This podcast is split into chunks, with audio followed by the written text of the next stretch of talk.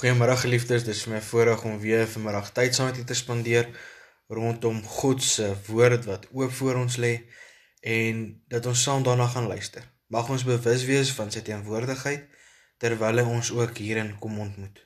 Kom ons raak stil en luister saam na God se woord vandag. Ons gaan vandag verder aangaan met Matteus hoofstuk 24 en ons gaan saam lees vanaf vers 36 tot 44. Die opskrif van hierdie gedeelte is die profetiese rede die dag en die uur van die wederkoms. Kom ons hoor wat daar staan. Maar niemand weet wanneer daardie dag en uur kom nie. Nie die engele in die hemel nie en ook nie die seun nie. Net die Vader weet dit. Soos dit in die dae van Noag was, sal dit ook wees by die koms van die seun van die mens.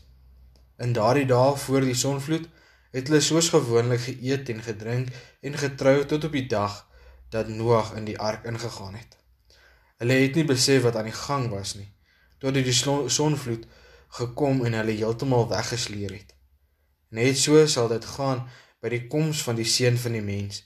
Dan sal twee mense op die land werk, die een sal saamgeneem en die ander een agtergelaat word. Twee vroue sal by die meel koring maal.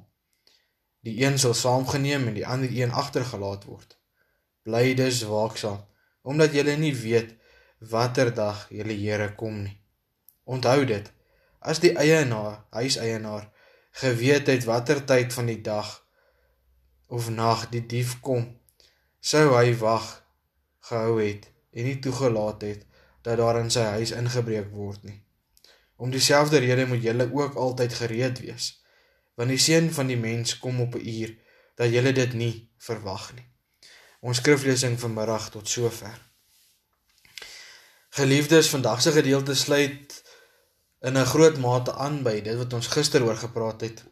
Gister het ons gepraat oor rampe en vervolging en ons het gehoor dat ons gewaarsku word om nie deur valse profete mislei te word nie.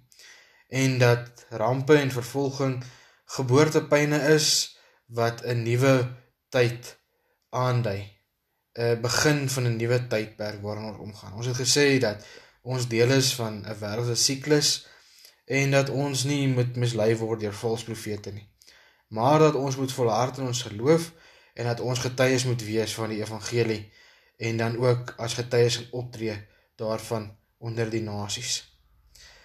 Vandag gaan ons 'n bietjie verder en ons praat oor die dag en uur van die wederkoms. Ons hoor in hierdie gedeelte daar gesê word niemand weet wanneer dit gaan plaasvind nie. Nie die engele nie, maar ook nie die seun Jesus Christus nie. Net die Vader weet wanneer die dag en die uur van die wederkoms sal wees. Die voorbeeld van Noag word gebruik met die sonvloed en ons ken almal die verhaal hoe God vir Noag gesê het hy moet 'n ark bou en hoe hy gehoorsaam was omdat hy geloof en vertroue in God gehad het en hoe daar daar net twee van elke soort gered was in die sonvloed. En as dit nie vir Noag se gehoorsaamheid en vertroue en geloof in God was nie, sou die uitkoms nie dit gewees het nie.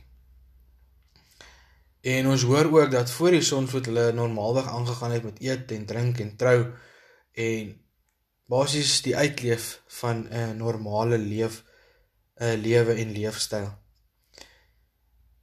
Maar dan hoor ons ook dat daar 'n vergelyking getref word met die man wat sal werk op die land en ook die vrouens wat sal werk by die meule.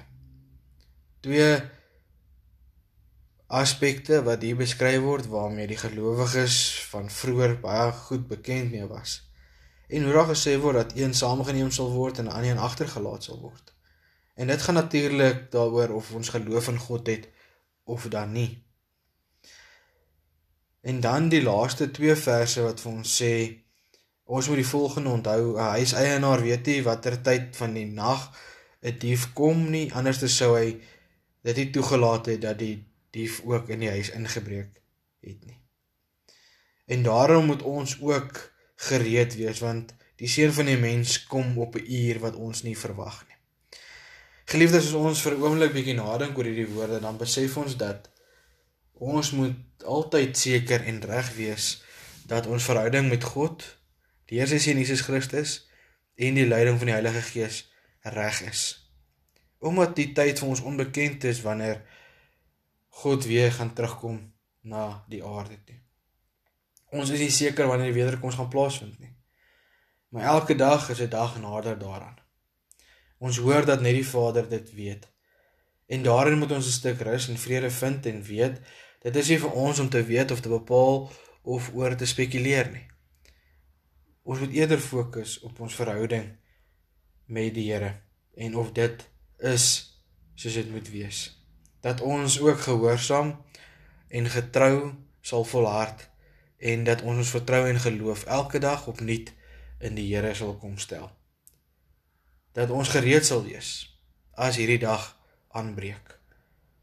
Ehm um, wat vir ons onverwags sal aanbreek.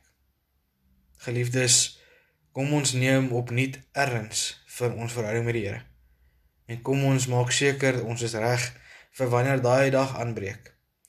Want of dit vandag, môre, oormôre of oor 'n paar jaar is, Die vraag is, erken ons God as die Here van ons lewe?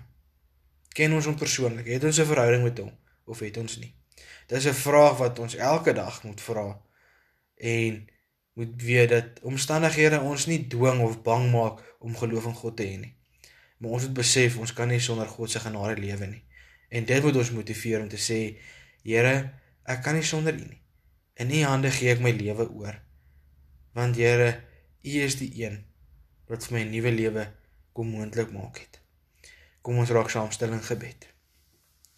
Here, dankie dat ons kan kom stil word en kan kom nadink en hoor uit U woord oor die wederkoms en oor wat ons moet verstaan daar rondom.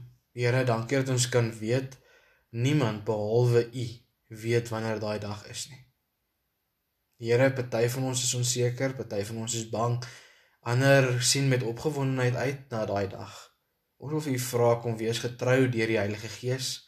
Kom lei ons in ons verhouding met U dat ons nader aan U sal kom en U sal kom soek in ons lewe sodat ons 'n verhouding met U kan hê. Here, kom gee dat ons voorbereid sal wees om gehoorsaam in vertroue en in geloof elke dag met U te leef sodat ons op die einde van die dag met sekerheid kan weet ek is 'n kind van die Here. Ek is gered. En maak nie saak wat is die omstandighede rondom my nie. Ek is gereed om aan te sluit by God, my Vader. Here kom wees by ons vandag. Kom lei ons deur dit wat ons aanpak. Kom gee vir ons krag, kom gee vir ons moed, kom gee vir ons hoop. Kom gee vir ons 'n deursettingsvermoë en 'n positiwiteit wat ons net van U kan ontvang. Ons dankie vir U liefde en genade, Here, dat U dit elke dag aan ons kom bewys op verskeie maniere. Kom maak ons oë en ons harte oop daarvoor dat ons ook daarvan bewus kan word.